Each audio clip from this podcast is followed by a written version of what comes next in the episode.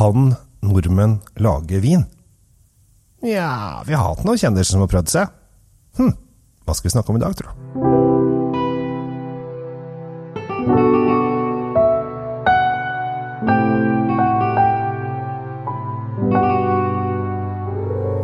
Hjertelig velkommen til eh, Kjells vinkjeller. I dag skal vi snakke om en norsk vin, eller norsk vin i eh, hermetegn, gåsetegn osv. Eh, fordi at vi skal snakke om Oma Barbaresco.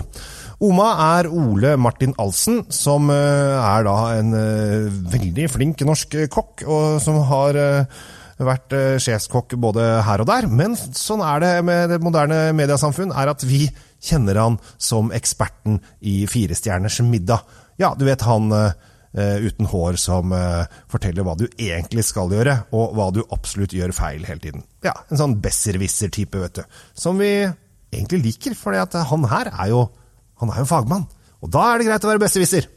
Og Ole Martin Alsen er, han lager flere forskjellige rødviner. Det gjør han. Vi skal i dag snakke om barbarescoen hans.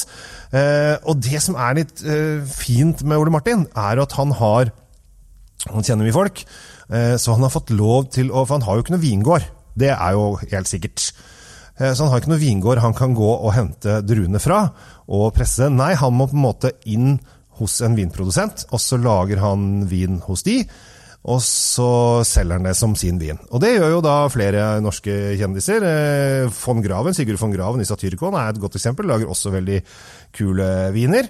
Eh, men så har vi jo andre kjendiser igjen, som Anne-Cath. Hærland, som satte eh, navnet sitt på en vin. Og nå skal ikke jeg si for sikkert, men jeg tviler på at Anne-Cath har hatt altfor mye med den vinproduksjonen å gjøre, annet enn at hun har smakt seg litt frem. og så bare, ja, herregud, altså, Den syns jeg var god.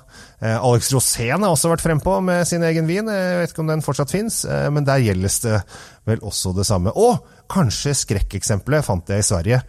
Vikingerne sin Amorone. Den er jeg usikker på. Men det kan for guds skyld det kan hende at den smaker godt. Men eh, jeg er helt sikker på at de ikke har sittet og vært med på hele produksjonen og blending og sånn. Men Ole Martin Alsen han eh, kan mye om vin. Veldig mye om vin.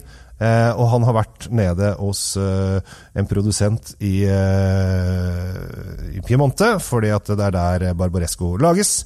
Eh, den produsenten er fryktelig kjent, men han får ikke lov å skrive noe om den på flasken, og han får ikke lov å si noe om den sånn generelt. Eh, her har han rett og slett fått lov å låne vingården litt, eller en deler av vinproduksjonen, til å lage sin egen spesialbatch. Og det gjør han godt. Det gjør han veldig godt. Ole Martin Alsen er nok en av de bedre eh, til å lage vin av de vi har sett som har kommet ut på det norske markedet. Helt klart. Uh, han har flere viner, men Barbarescoen syns jeg er uh, veldig kul. Vi er i Piemonte, så er det liksom Barolo er uh, kongen. Barbaresco er prinsen, kanskje. Ja, Litt sånn enklere og greiere i stilen. Men vi snakker perfekt til, til kjøttet, altså. Her skal, du, her skal det spises. Og hvis du kan få en ordentlig, ordentlig god biff så skal du klinke til med Barbarescoen til Ole Martin. Eh, koster 300 kroner blank. Eh, det vil si at da har du ti øre til å kjøpe smågodt. Eh, og, eh, så det er ikke noen sånn kjempebillig sak, men dette er kvalitetsvin fra en ordentlig kvalitetsprodusent. Så dette er ordentlig gode saker. Jeg kan jo fortelle at det er Giovanni Rosso, for dere som er interessert i å vite hva som er produsenten. Det er Giovanni Rosso som lager ordentlig tøffe Baroloer og Barbarescoer fra før.